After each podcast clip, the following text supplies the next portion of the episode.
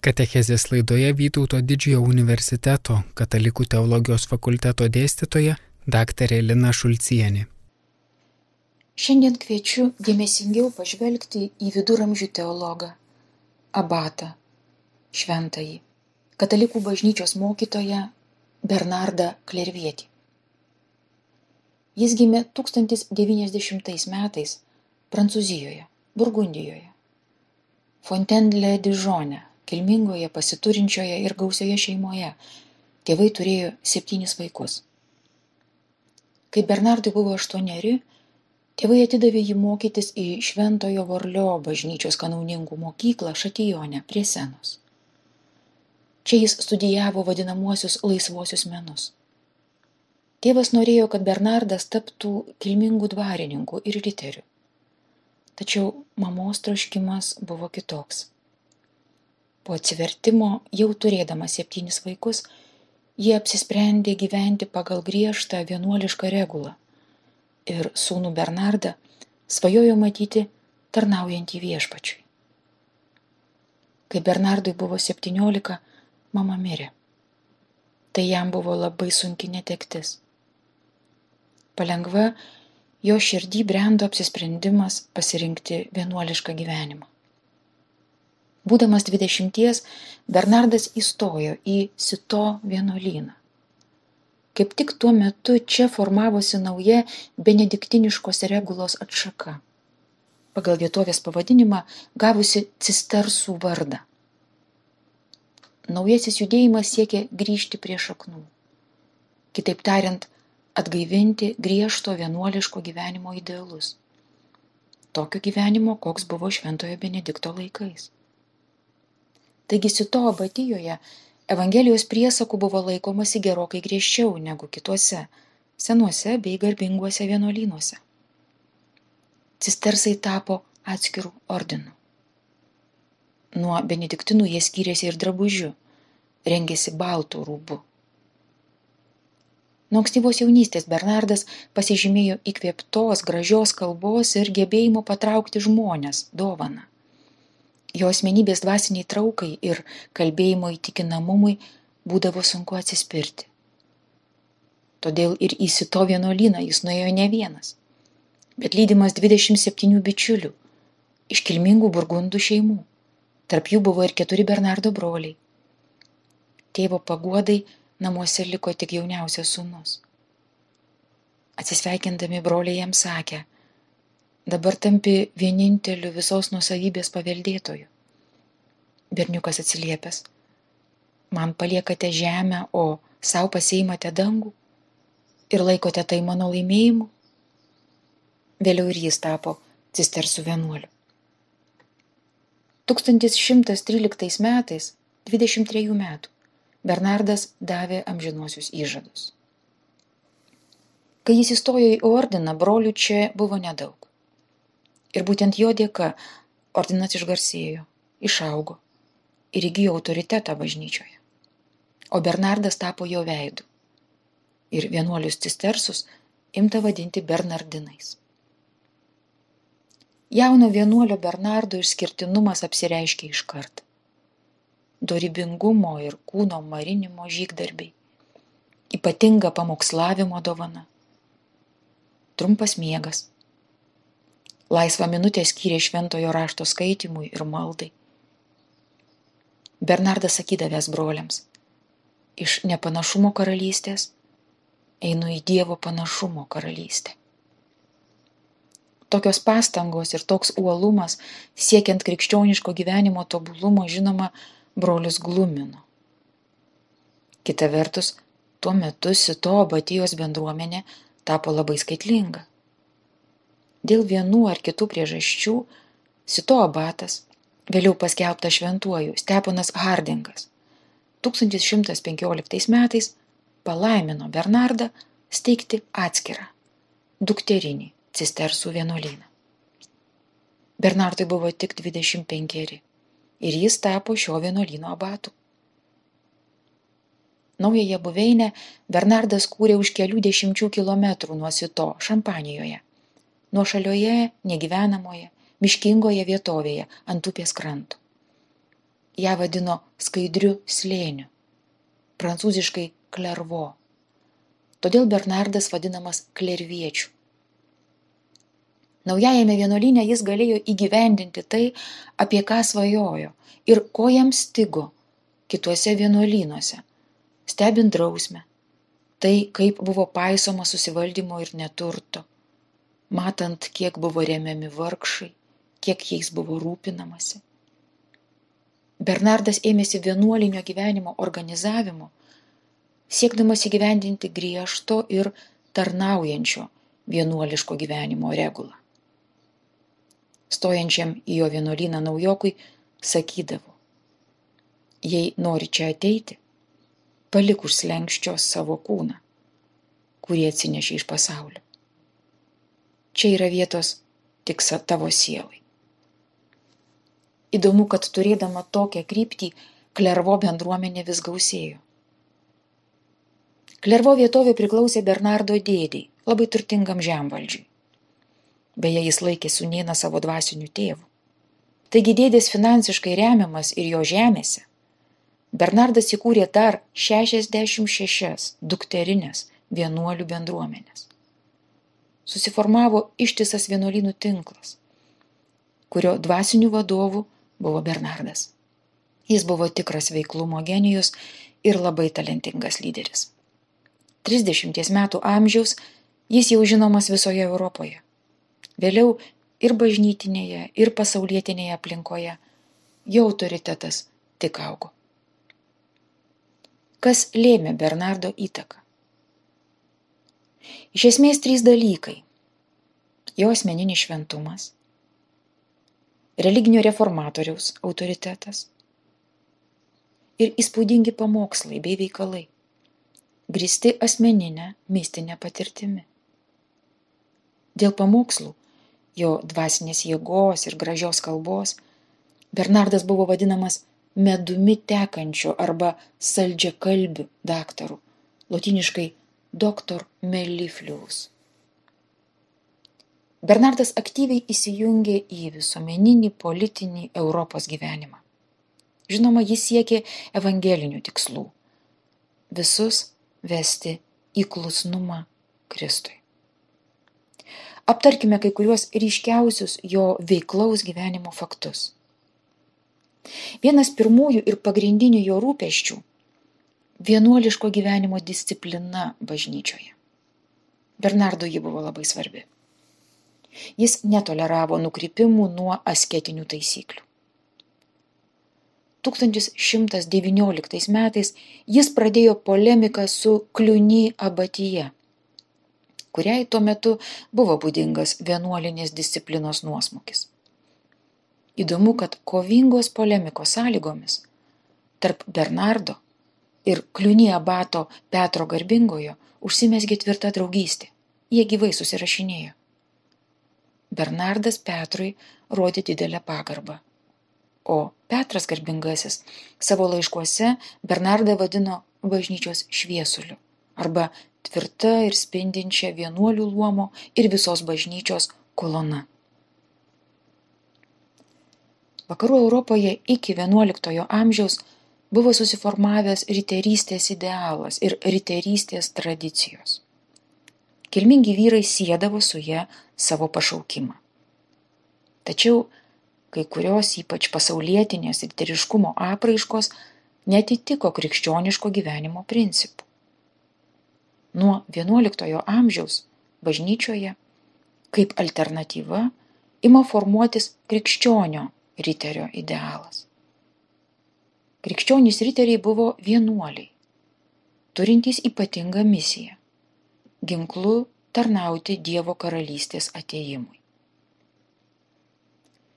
Po pirmojo kryžiaus žygio Palestinoje sukūrus Jeruzalės karalystę, tūkstančiai riterių vyko ją saugoti ir ginti. Beje, jie dažnai laikė savo pareigą pirmiausia užsukti į Klervo abatiją ir prašyti šventojo abato palaiminimo. 1118 metais Hugono Pajensiečio vadovaujami Šampanijos riteriai Jeruzalėje įkūrė Tamplierių ordiną. Lotiniškai templium - šventykla. Taigi jie įkūrė viešpaties šventyklos ordiną, kurio svarbiausias tikslas - ginti ir plėsti kryžininkų užkariavimus Palestinoje. Šio ordino statutas buvo sudarytas tiesiogiai vadovaujant Bernardui.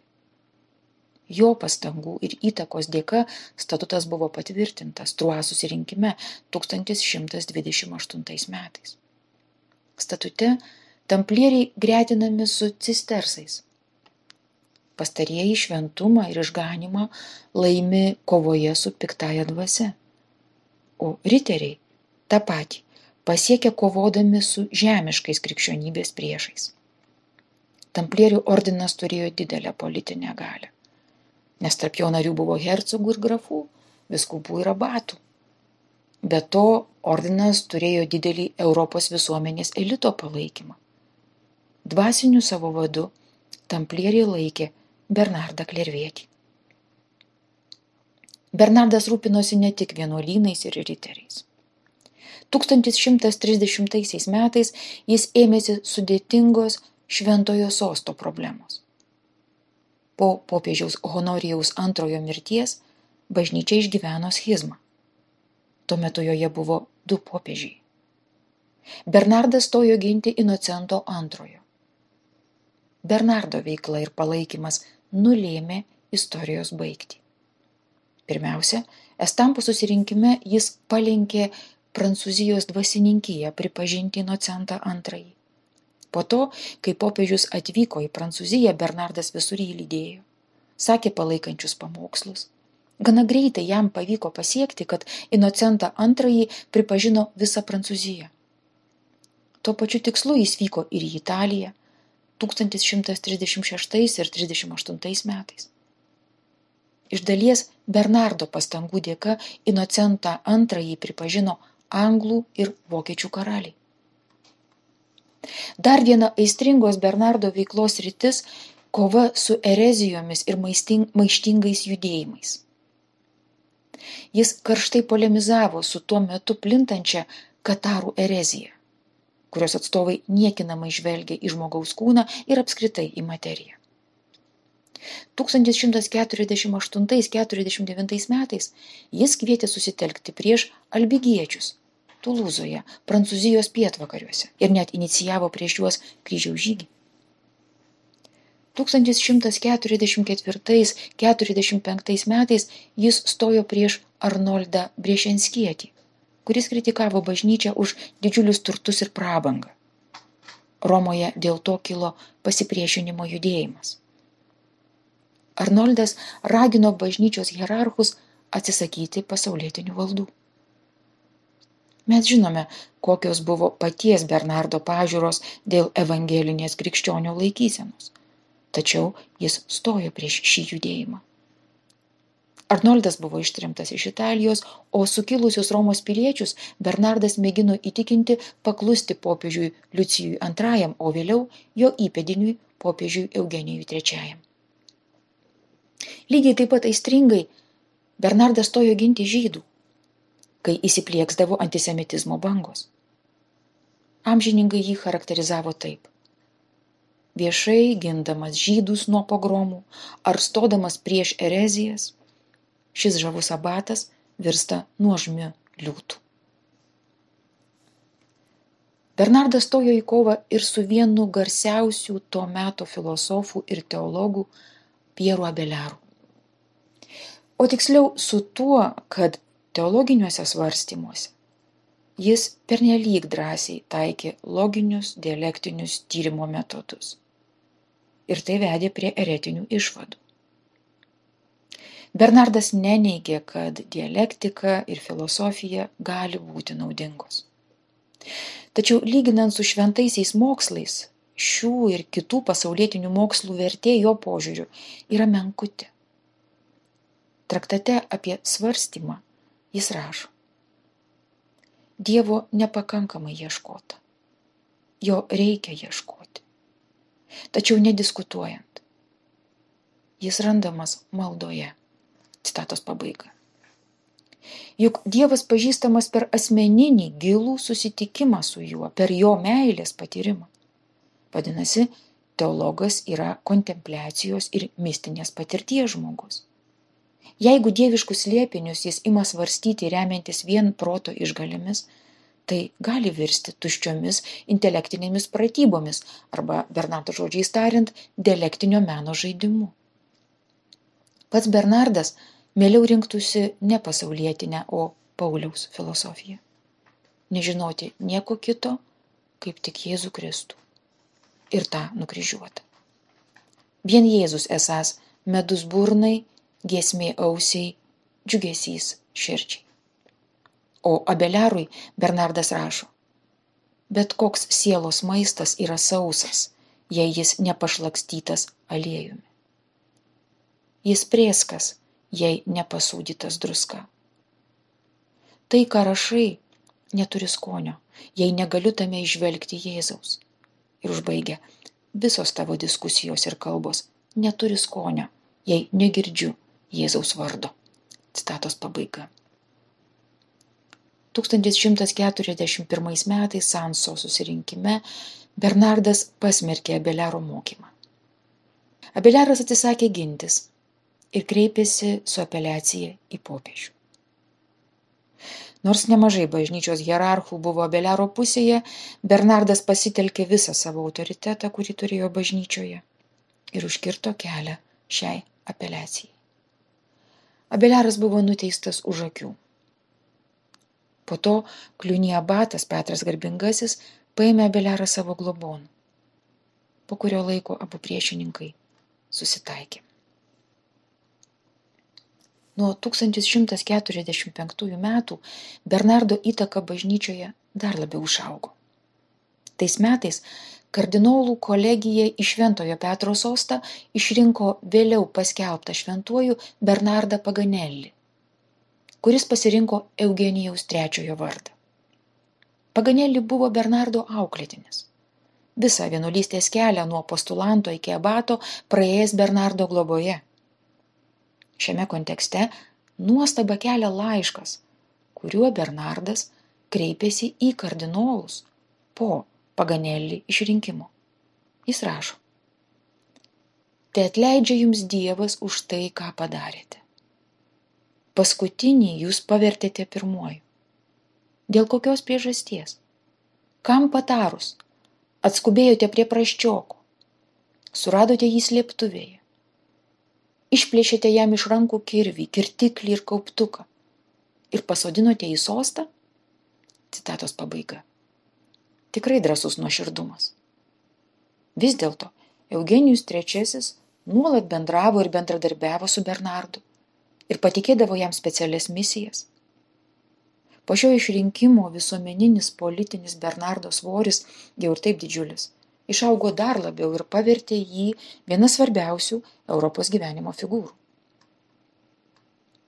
Tiek Bernardas, tiek Eugenijus III buvo tikri dėl to, kad Dievo valia yra tęsti pirmojo kryžiaus žygio pradėtą darbą ir ginklu ginti bei plėsti užkariavimų šventojoje žemėje, visiškai išvaduojant ją nuo netikėlių jungo. Tačiau 1144 m. pabaigoje musulmonų kraštų Alepo ir Mosulo valdytojas Imadas Adadinzengi užėmė Edesos miestą. Krikščionys prarado Edesos grafystę Sirijoje. Europoje imta organizuoti karinę ekspediciją Edesai atgauti. Ši ekspedicija gavo antrojo kryžiaus žygio vardą. Šią intenciją 1145 metais popiežius Eugenijus III paskelbė bulę Quantum predecesorės. Bernardas važinėjo po visą Europą ir asmeniškai ragino Europos valdovus dalyvauti kryžiaus žygyje. Ta patį jis kalbėjo viešuose pamoksluose. Vis dėlto XIX-XX amžiaus istoriografijoje įsitvirtinusi nuostata, esą Bernardas buvo visagalis antrojo kryžiaus žygio organizatorius. Kaip pamokslininkas sukėlęs didžiulį dvasinį pakilimą Prancūzijoje ir Vokietijoje, ši nuostata gerokai perdėta. Tai patvirtina naujausiai istoriniai tyrimai. Šventajam Bernardui ir popiežiui Eugenijui III suteikti visą galių didžiųjų strategų ir planuotojų vardą šiuo atveju nėra pagrįsta. Antrasis kryžiaus žygis, vykęs 1147-49 metais, neapsiribojo karinę kampaniją Sirijoje. Jis prasiplėtė ir kitomis kryptimis. Karinis aktyvumas vyko bent dviejose Europos kraštuose Iberijos pusėsalyje ir Baltijos jūros regione. Žygiui vadovavo Prancūzijos karalius Liudvikas VII ir Vokietijos imperatorius Konradas III. Įvykiams Iberijos pusėsalyje tiesioginė apaštalų sosto sankcija nebuvo duota.